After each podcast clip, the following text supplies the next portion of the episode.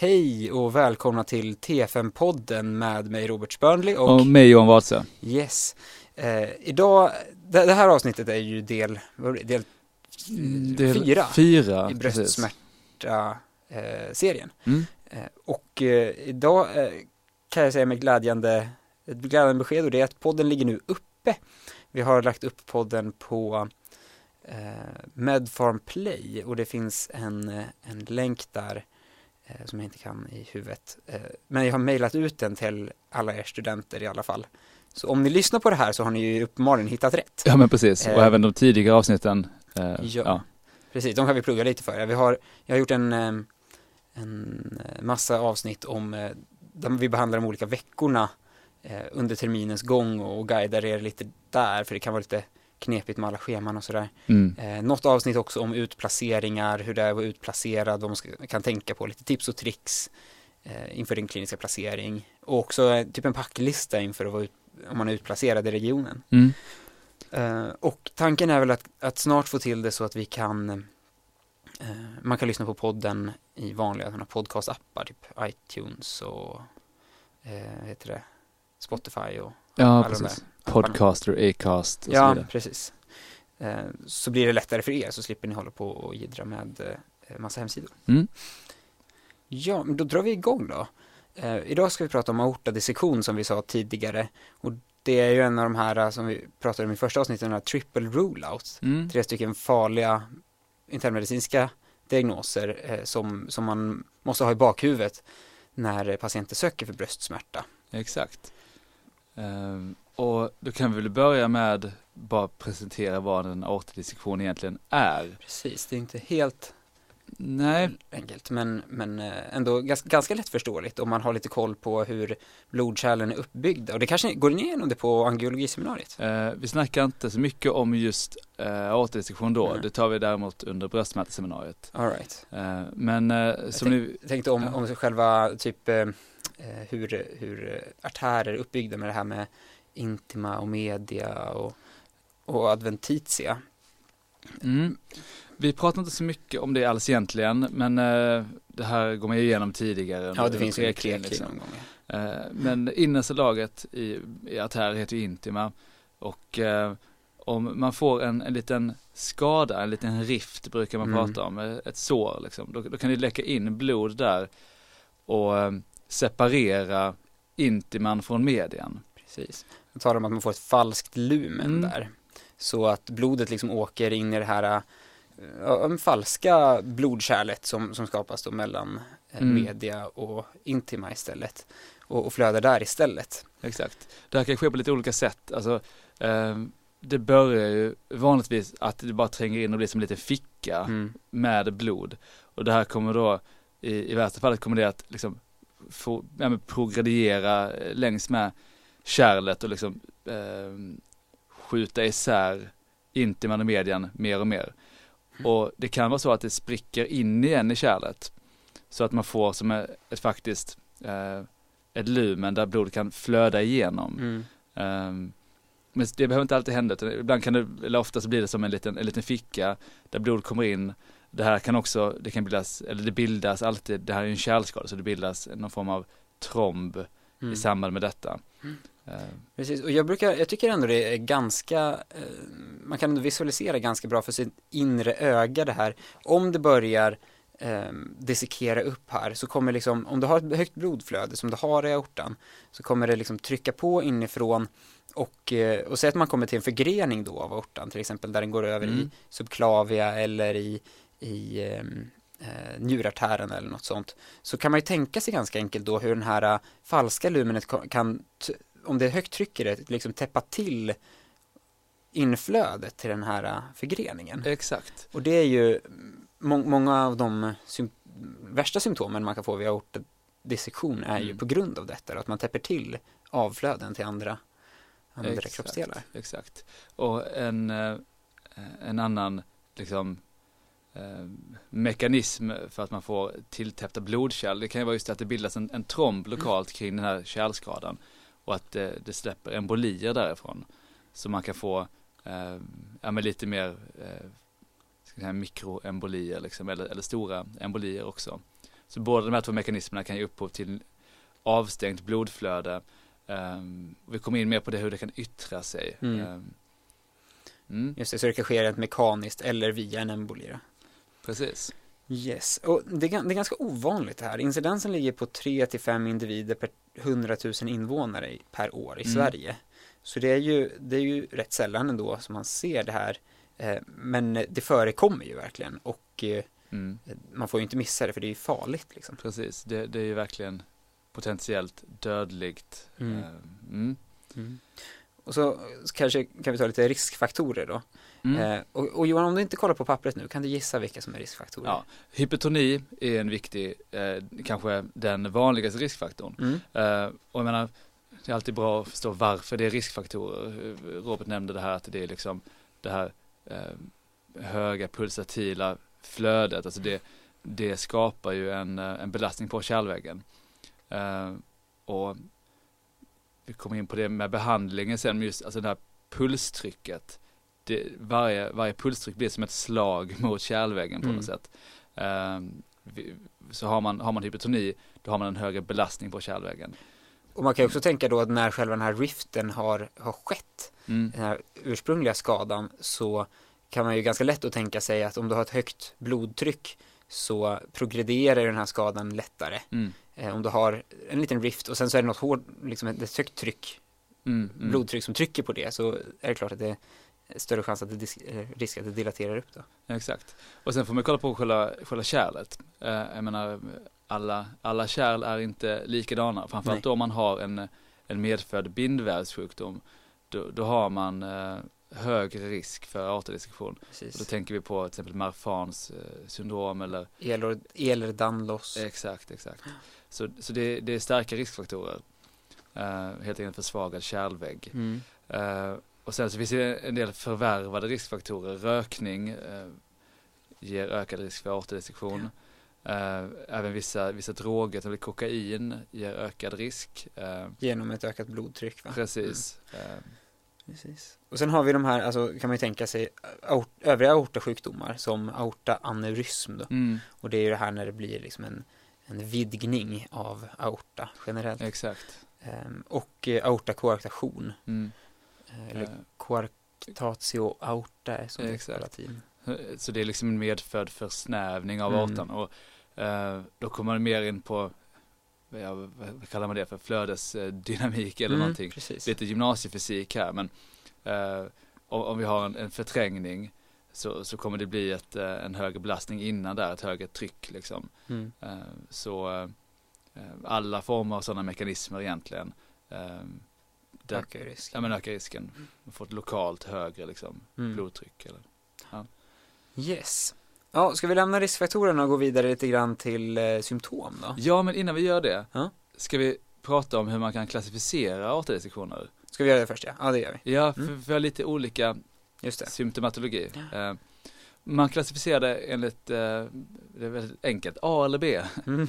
Eh, det finns andra sorters klassifikationssystem också, men A och B är det vanligaste.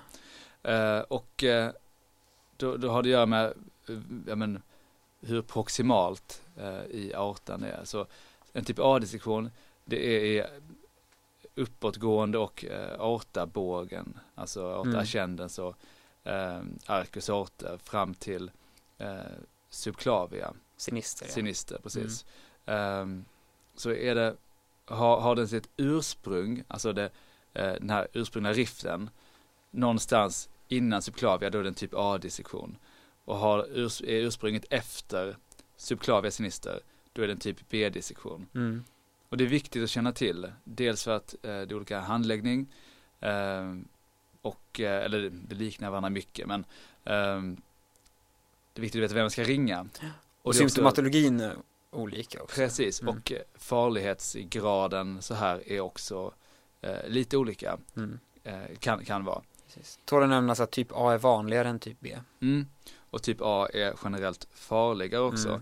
Mm. Eh, och det kan man ju lätt tänka, jag menar, i, vid aortabågen, vi har ju avgången upp till huvudet liksom. Mm. Får man en tilltäppning där, då kan man ju få eh, väldigt allvarliga symptom eh, och på samma sätt har vi en typ A-dissektion som börjar precis ja, men, i aortas ursprung där har vi ju kranskärlsavgångarna. Ostierna, ja. Och, Mm. Precis, kranskärlsostierna. Vi har ju eh, aortaklaffen. Så blir det en slags påverkan där, då kan man ju få väldigt svåra eh, liksom, eh, ja, men, akuta kemier Mm. om man får tilltäppt kranskärl, svåra aorta, eh, eh, stenoser och insufficienser om Mm. aortaklaffen blir påverkad. Mm. Och det Kan- kan även dissekera eh, tillbaka i hjärtsäcken Ja, i så man kan få en tamponad. Ehm, så alla de här sakerna gör att typ A-dissektioner kan vara mer dramatiska och Precis. farliga. Medan typ B då, eftersom att den eh, utgår efter arteria subclavia så kan det dels vara då de här tilltäppningarna av, av avflöden till andra extremiteter. Det kan liksom sträcka sig ända ner till bifurkationen. Mm. Så du kan liksom få eh, extremitetsiskemi i benen, du kan få iskemi i njurartärerna Mm. ehm, och, ehm, och eh, till de mesenteriala kärlen, alltså till, avflödet till lever och eh, bukspottkörtel och tarmpaketet Ja. och hela den biten kan ju också bli kemiskt då eh, om man eh, får en dissektion, typ. B-dissektion. Exakt. Mm. Yes. Precis, men ska vi snacka lite symptomatologi här då? Vi har Ja. varit inne på det lite men Men eh, då, då, då tänkte jag fokusera på smärtan här igen och vi gör som i de tidigare avsnitten att du får, Mm. du får gissa där OPQRST eh, symptomen för aortadissektion. Men vi börjar Mm. med onset. Precis, och här är det ju en, alltså en väldigt plötsligt isättande Ja, smärta eh, som är typfallet. precis. Eh, mm. Och det är precis vad det står. Plötsligt påkommer bröstsmärta. Position då? Ja, och det här kan vara lite lurigt. Eh, för att man kan ju ha en dissektion hela vägen från egentligen början av aorta till slutet. Mm. Eh, så eh, lokalisationen kan, kan skilja sig lite men man brukar prata om en bröstsmärta som, och nu kan vi gå in på det här med strålning, men en bröst, bröstsmärta som strålar bak mot ryggen. Eh, och eh, det ökar kanske sannolikheten för att det är en typ A-dissektion då. Men om det strålar ner mot buken eller man har mer en buksmärta, då kanske det talar mer för en typ B-dissektion. Precis. Det står här bröstsmärta med strålning bak mot ryggen, ut i skuldra eller eh, mot buk. Migrerande smärta. Mm. Så den förflyttar sig den här smärtan. Ja men precis. Eh, Mm. Om vi säger quality då? ja, det brukar beskrivas som en alltså rivande eller väldigt skarp smärta. Precis, jag läste på lite där och det är egentligen, det klassiskt man brukar säga är så här rivande eller slitande Mm. smärta. Men det oftast beskrivs det egentligen som en skarp smärta, Mm, precis som du sa här då. Precis, och eh, jag träffade en patient som hade eh, fått en typ B-dissektion, tror jag det var, eh, och beskrev det som att, eh, eh, som ett spjut rakt in i ryggen. Mm. Eh, eller liksom en kniv, eller alltså den typen av skarp smärta. Mm. Just det. Eh, sen går vi till R då, relieving and aggravating factors. Ja, precis, alltså relieving, jag menar det, man kan ju få smärtlindring av morfin och så, men det här går ju inte över på Alvedon, eh, skulle jag tänka mig. Eh, aggravating. Eh, ja, alltså det blir värre när det progredierar och man har fått ett högt tryck. Eh, så blir det värre. Jag vet inte riktigt vad du fiskar efter här. Nej, det är, lite roligt också. Det är en, Ja. det är en curveball. För här står det, relieving and aggravating factors. Nej. Nej. Lite Michael Welch där. Finns det någonting som gör det bättre eller sämre? Nej. Nej, nej men inte vad gäller egenbehandling i alla fall. Eh, Nej. Så, Precis. Eh, då, severity. ja, väldigt svår i typfallet. Mm. Eh, värsta smärta någonsin.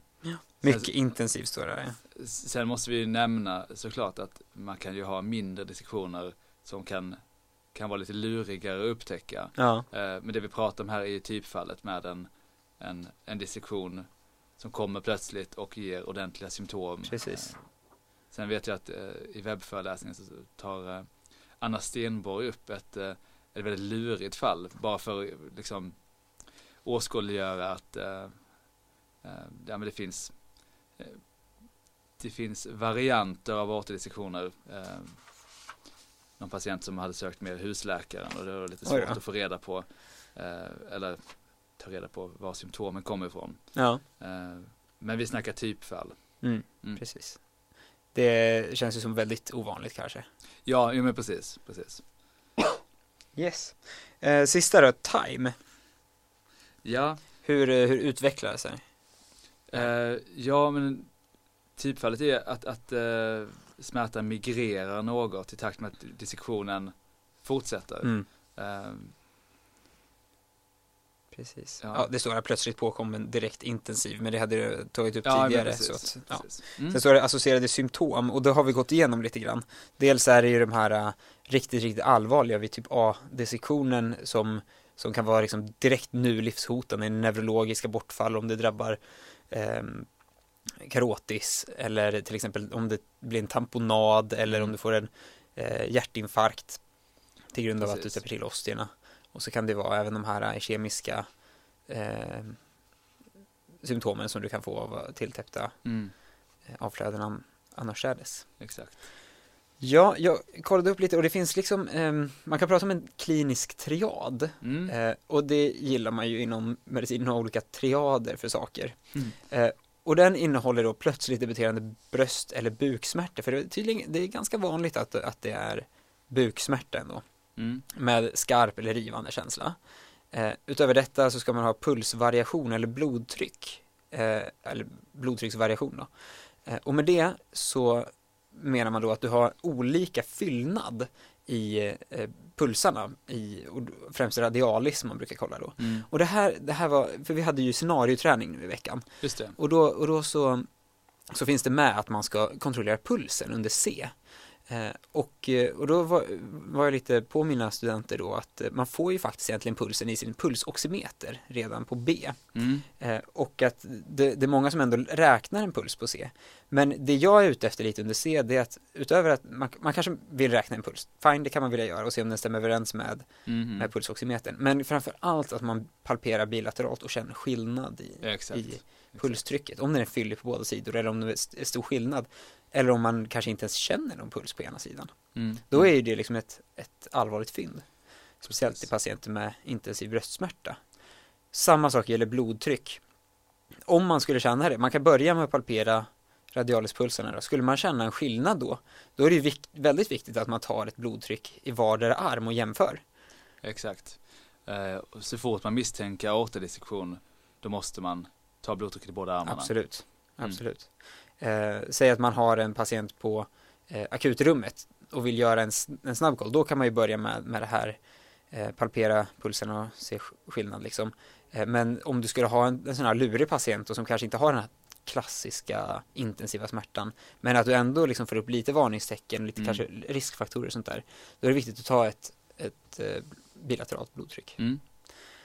Yes, eh, och den sista då i den här kliniska triaden, den är lite eh, märklig, vi kommer in på det senare också, men breddökat mediastinum eller aorta på lungröntgen. Mm. Och det förutsätter ju då att man har gjort en lungröntgen. Precis. Men Mm. på akuten så är ju lungröntgen ofta eh, en av de första utredningarna eller undersökningarna man gör. Mm. Eh, det har liksom rätt så breda indikationer. Eh, och det är lättillgängligt, går snabbt att göra, kräver ingen kontrast eh, och sådär. Så att Billigt där också. det är billigt Ja. också. Ja men precis, nu ska vi inte snacka för mycket vårdkostnader. men Nej, det är men- faktiskt något som man måste eh, eh, Man måste man faktiskt, ja. Man måste förhålla sig till det. ja. Ehm, mm, Eh, precis, men, men då, då är det ju också det här, om,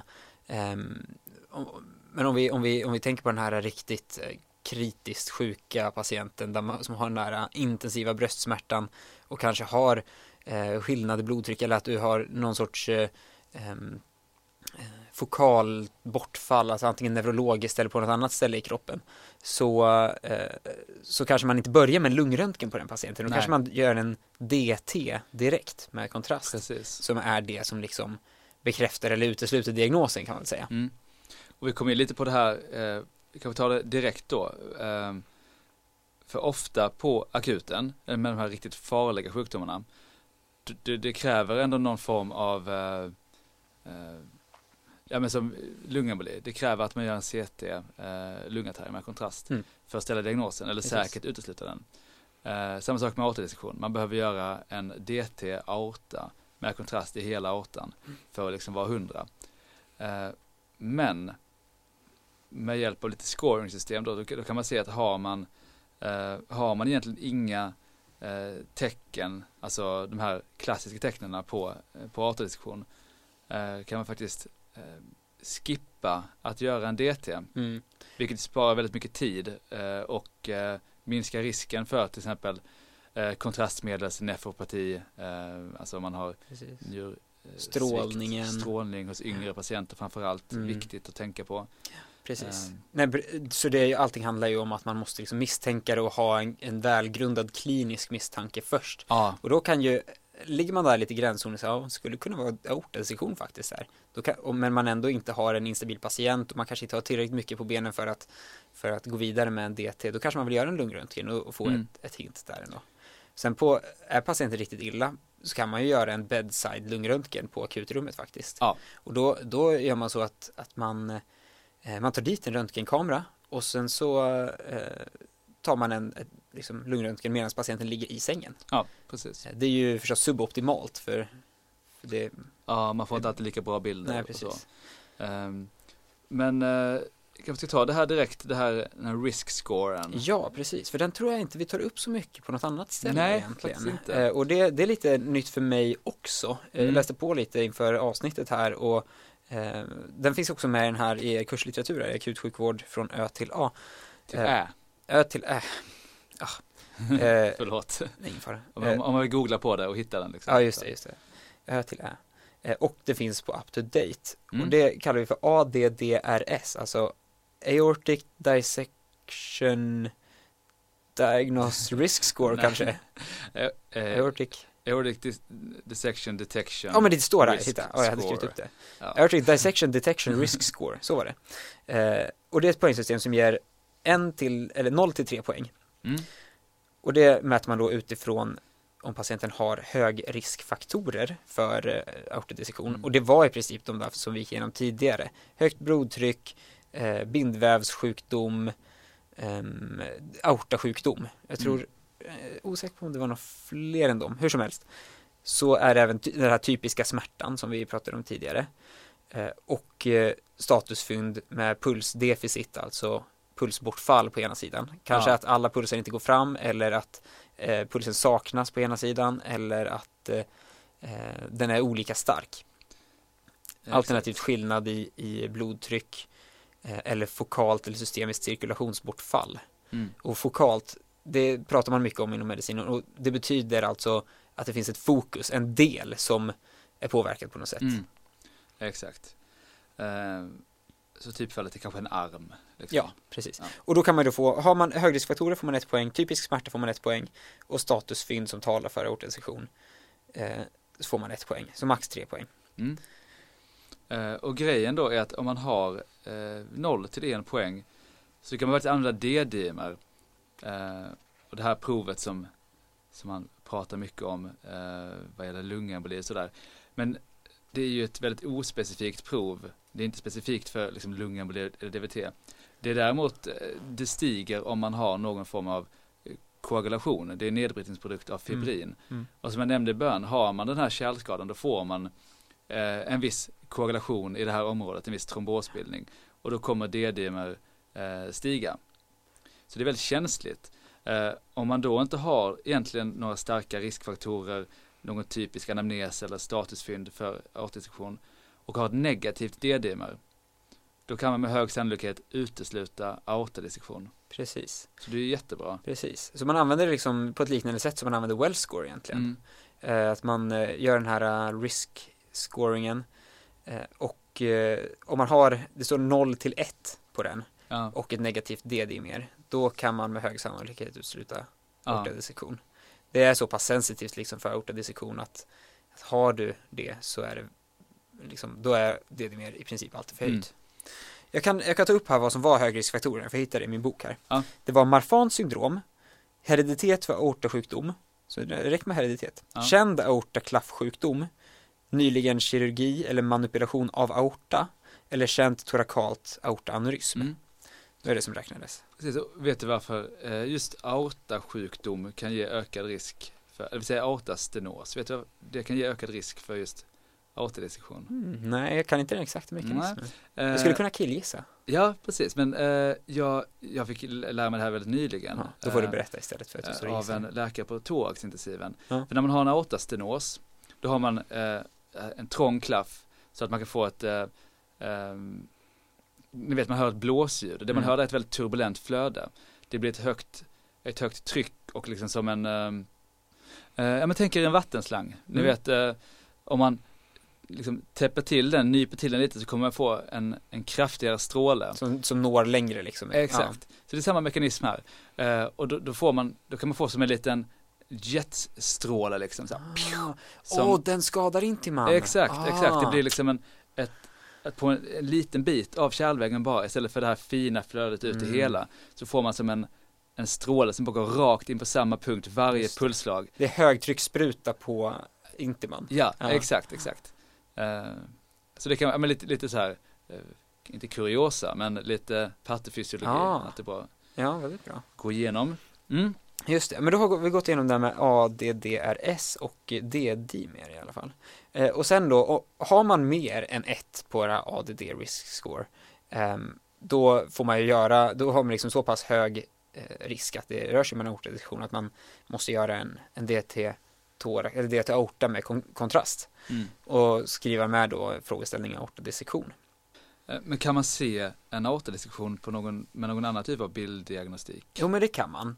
Eh, man kan se det med ultraljud och då är det framförallt, och då är det hjärt, hjärteko då. Mm. Och det är framförallt det bästa sättet, det är att göra ett transesofagalt ultraljud. Men det, Just det. är ju ganska eh, användarberoende och också pass, beroende på om patienten kan tolerera det eller inte. Jag har faktiskt med eh, på, på UpToDate så stod det lite roligt här tyckte jag.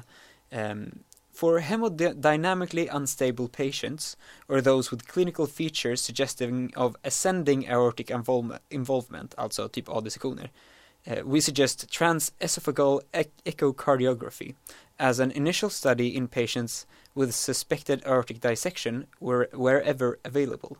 TEE, alltså den här transesofagala, is a portable procedure that yields a diagnosis within minutes and is easily performed in the emergency department. Just det. Vi skrattar lite åt det där med easily performed. Ja, eh, ni kommer kanske få med på något transesofagalt. Alltså det, det man gör då det är att man, man går, ge, går ner i esofagus med en ultraljudsprobe. Det är rätt obehagligt. Ja. Eh, Precis. eh, Det är inte jätteenkelt att nej, göra. det, det, kanske, det kanske det är om man är erfaren, jag vet precis. inte. Det ju, Men det ja, är man en erfaren akutläkare kanske och har mycket träning i det så då kanske det är enkelt för en att göra det på akutrummet med en hemodynamiskt Precis. instabil patient. precis. Och ultraljud kommer ju mer och mer inom akutsjukvården, just Mm. patientnära. Mm, Eh, precis, det är ju verkligen up and coming. precis, vi går igenom FATE till exempel under seminarieveckan. Mm. Eh, och det, det kan ge väldigt, väldigt mycket information väldigt snabbt. Mm. Eh, men, ja, vad säger man, gold standard i CT thorax med kontrast. Precis. Ja. Eh, Men om vi då förutsätter att vi har en lite akut sjuk patient och vi misstänker aortadissektion Mm. eh, och, ehm, och då, då kan det vara så att patienten är hemodynamiskt instabil. Och vi pratade lite om det tidigare i förra avsnittet. Ja, och det är liksom ett gen- generell term för att patienten börjar ha sviktande vitalparametrar. Pulsen går upp, blodtrycket sjunker ja, eh, kanske saturation som sjunker också beroende på ja, laktatstegring och sådär. Eh, och har man ett, ett sjunkande blodtryck, då får man ju liksom stabilisera det först mm. eh, och göra att patienten är tillräckligt stabil för att kunna göra en CT-thorax för att kunna se var den här eh, eventuella dissektionen finns någonstans. Eller om det ens är en dissektion. Men, eh, Eh, och en liten, bara ett instick här, Ja. om man då i värsta fall har en patient som, som börjar gå in i kardiogen chock, eller man misstänker det, alltså man tappar blodtryck mm. eh, och vi misstänker att det här är en påverkan på hjärtat liksom. Ja. Då, då Man kanske kan- gör ett ultraljud och Precis. ser det. Mm. Då slänger man på ultraljudsproben, då ser man oj, här har vi en tamponad. Mm. Eh, och då kan man behöva åtgärda det i akutskedet, alltså Precis. stoppa in helt enkelt en nål i perikardiet och dra ut blod. Så, så, ja, De gjorde det på akutrummet här veckan. Jag var, kikade Ah. in. Så spännande. det var väldigt spännande. Ja. Mm. Ehm, precis, men om vi säger att patienten kanske inte är på väg in i chock just nu, men vi har ändå en hög misstanke om aortadissektion. Mm. Vad är det viktigaste att göra utöver själva DTn? Jo, eh, man ska smärtlindra patienter förstås. Mm. Eh, så de inte ska ligga och ha jätte, jätteont och massa ångest i onödan. Och då är det vanligtvis, vanligtvis morfin som man, som man ger då, tills patienten blir så smärtfri som möjligt. Och utöver att göra det liksom be, bekvämare men mindre plågsamt för patienten så har det faktiskt bra effekter just um, Alltså för blodtrycket sticker iväg Mm. när man har ont och pulsen sticker upp. Varje pulsslag med högt blodtryck är en belastning på kärlväggen som Precis. ökar dissektionen eller potentiellt. Så f- lindrar man smärtan då kan man också i viss mån förhindra progress av själva dissektionen. Precis. För det är ju, i de allra flesta aortadissektionfallen så ser man ju högt blodtryck. Vi pratade Ja. lite tidigare om man blev hemodynamiskt instabil och fick lågt blodtryck. Men det är ju ganska få ändå som, som går så långt. Eh, så de med högt blodtryck som är de flesta patienterna med aortadissektion, Mm. då vill man ju sänka blodtrycket. Eh, och det vill man egentligen göra så snabbt man bara kan. Ja, Eh, till, till, eh, med ett måltryck på 120 systoliskt. exakt. Eh, Och det, det gör man ofta med, med ett läkemedel som heter Trandate och det är eh, Labetalol. Mm. Så det är Precis. både en, en, en adrenerg antagonist som både alfa och beta blockerande. Så Ja, man sänker både blodtryck och puls. precis. Eh, Man kan också ge nitro för att Mm. sänka blodtrycket. Och då kan man ge det eh, i, i dropp faktiskt. Alltså Ja. ett nitrodropp. Lite ovanligt. Precis. Men där behöver vi inte gå in på sådana här på Nej. doser och sånt där. Eh, och sen kanske självklart här, men patienten ska inte gå upp och gå på toa och göra sådana saker. Det är sängläge som gäller. Precis. Eh, och det kommer ju vara naturligt i akutskedet om patienten har väldigt ont. Men, Ja, ja. Och eh, så, så ska man ju konsultera en thoraxkirurg då. Ehm, Det Mm. kan vara bra att flagga för det redan innan man gör den här DTn då. Att man kanske skriver en remiss för DT och så, och så ringer man thoraxkirurgen i samma veva och säger jag misstänker en aortadissektion. ja, precis. Liksom standby eh, for surgery, typ. Eh, Precis. mm. Och, och det det blir ju så också, efter att man har fått svaret på den här DT-aorta, då ser man ju om det är en typ A eller en typ B-dissektion. Ja, Och alla typ A-dissektioner, de eh, kräver thoraxkirurgisk Mm. åtgärd. Så då får liksom thoraxkirurgerna operera det där helt enkelt och, och göra det bästa de, de kan. precis. Medan eh, typ B-dissektionerna, de tas ofta om hand av medicin. Eh, Mm. till en början kanske intermediärvårdspatienter som senare kan flyttas över. För det är ganska lång behandling. Ja, För liksom key, alltså nyckelbehandlingen här är alltså blodtryckssänkande. exakt. Ibland, om man har mycket problem med hypoperfusion till diverse, diverse vävnader på grund av blockering av avflö, avflödena, Mm. då kan man gå in med kärlkirurgiska åtgärder med sådana endovaskulära metoder som ni kommer lära er mycket om i te- termin 6. Mm. Då går man in precis. och egentligen ungefär som när man gör en PCI-behandling vid, vid AKS, att man Mm. går in och stentar upp, men i det här fallet aorta då, med ett jättestort stent. Ja, Eh, precis. och de, eh, de kan, kan också ha, vara fenestrerade så att man kan få till ett, eh, vad ska jag säga, man kan stötta upp de här avflödena som är blockerade också. Mm. Precis. Eh, och det kan i vissa fall också vara aktuellt eh, när det gäller typ A-diskussioner, att man kan göra kärlkirurgiska, eh, alltså endovaskulära åtgärder. Eh, men, och det tror jag man pratar om TEVAR och sånt där, eh, kommer jag på termin Just det, 6. just det, just det. Eh, men för enkelhetens skull så, så är thoraxkirurgi liksom första, det är de man ringer. Mm. Eh, Eh, Ja. Och det här TEVAR som Jonas, eh, Johan sa nu eh, är eh, torakal endovaskulär aortic repair exakt. som det står för. Mm. Och eh, det, det förekommer i flera olika former beroende på vad man eh, gör det någonstans. Precis. Men eh, de som behandlas av medicin i alla fall Mm. eh, och som man inte gör någon sån här eh, endovaskulär åtgärd på. Där är det mest blodtryckskontroll och få koll på blodtrycket. Mm. För det kan ofta vara ganska svårreglerat på de här patienterna faktiskt. Ja, men de har ju fått diskussionen av en anledning. Exakt. Eh, ofta. Exakt. Eh, Och, ehm, och då är det ett, ett måltryck på eh, under 110 första veckan systoliskt och sen under 120 därefter. Och de, man träffar dem på avdelningarna och de, de unga patienterna i alla fall blir ju väldigt frustrerade för de får ju liksom inte gå upp ur sängen i Nej. princip på flera veckor. precis. Det känns väldigt mycket som en sån här gammal eh, typ av behandling som så här, nu ska du ligga, vara sängliggande Ja. jättelänge. Typ alla andra har man ju fattat att det är bäst att komma upp och röra på sig så snart som möjligt och komma Mm. tillbaks till någon sorts vardag. Men med de just den här diagnosen så är det väldigt mycket ligga i sängen och få blodtrycksbehandling. Ja. Det var någon eh, patient jag hade på, på en medicinavdelning som var väldigt så här jag blir galen av att ligga här, jag blir galen! Ja, ja, Och det förstår jag verkligen. verkligen. Det skulle jag också bli. Verkligen. Klättra på väggarna. Ja. Ehm, precis, men här, det här som ni känner till, konservativ behandling. Det, det pratar man om ibland. Eh, och det är det, det är det vi pratar om här, konservativ ja. behandling. Eh, och låta kroppen läka ut det här själv helt enkelt. Hindra att det, att det bygger på sig. Mm. Men vad kan vi få för komplikationer av en återdissektion? Ja, eh, dels var det den här tamponaden som du pratade om tidigare, det får man väl mm. se som en komplikation. Och de här avflödes eh, i kemiska avflödeshindren då, som vi pratat om också. Men det är inte helt omöjligt heller att man får en aortaruptur. Och det är ju en väldigt, väldigt allvarlig, ja. eh, allvarlig tillstånd. Som, eh, då brukar man oftast prata om bukaorta-rupturer egentligen, som mm. är kanske det vanligaste.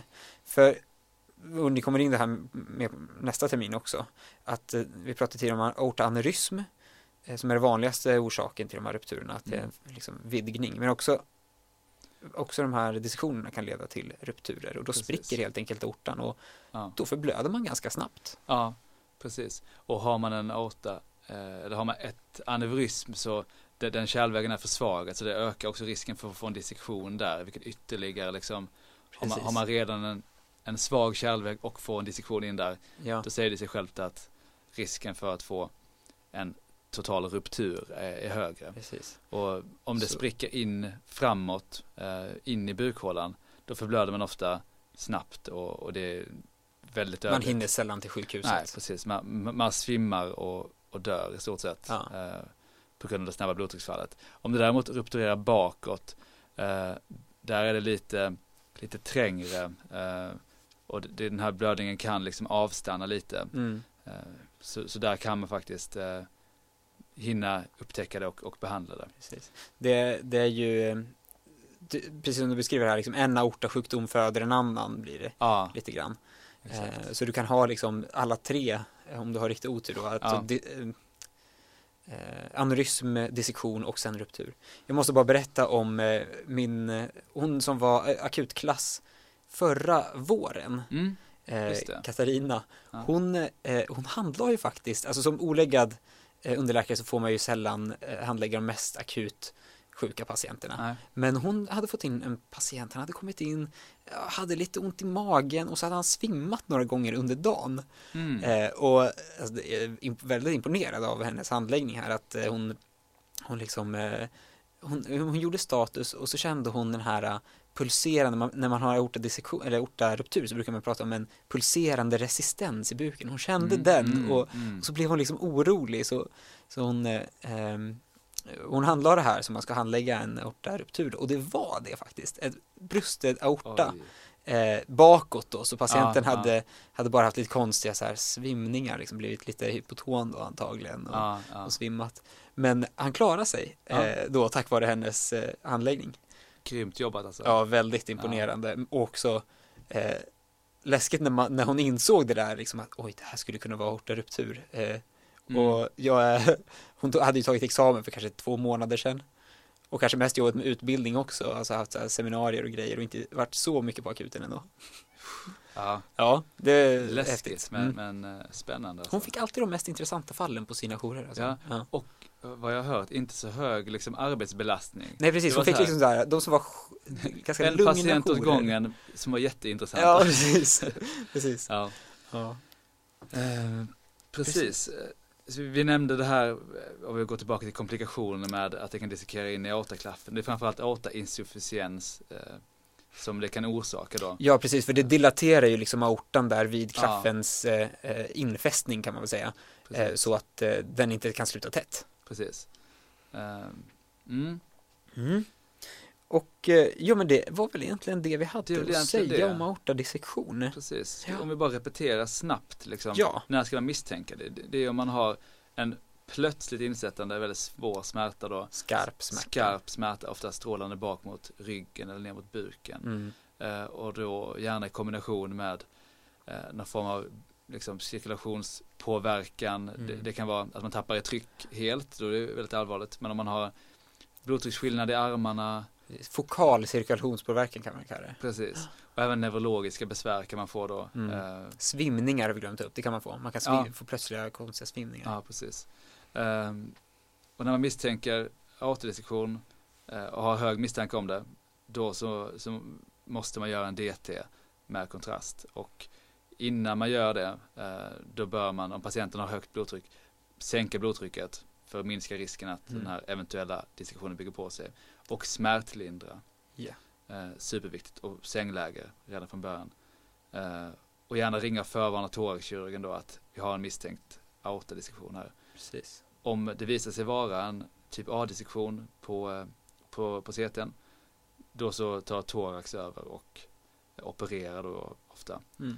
Eh, Typ B-dissektion kan man handlägga så att säga konservativt genom att se till att blodtrycket är eh, kontrollerat och låta det här läka ut. Men det är en, en lång vårdtid och eh, det är inte komplikationsfritt heller och man kan få påverkan, fokala cirkulationsstörningar då och kan behöva åtgärda det endovaskulärt. Precis, Mm. och så har vi tagit upp tre stycken olika egentligen aortasjukdomar lite grann. Fokus är på aortadissektionen som var den här dissektionen av Intiman. Eh, Men vi tog också upp aortaaneurysm som är en vidgning av aorta och Mm. aortaruptur som är när aortan spricker helt och hållet. Ja, Men det är viktigt att särskilja de här för det är olika diagnoser. precis. Ja, eh, mycket bra. Då tackar vi för idag och så ses vi förhoppningsvis snart igen och spelar in nästa avsnitt som kommer handla lite om eh, diftdiagnoser och så drar vi ett litet fall och sådär. Ja, precis. På återhörande. Ja, tack och hej! Hej.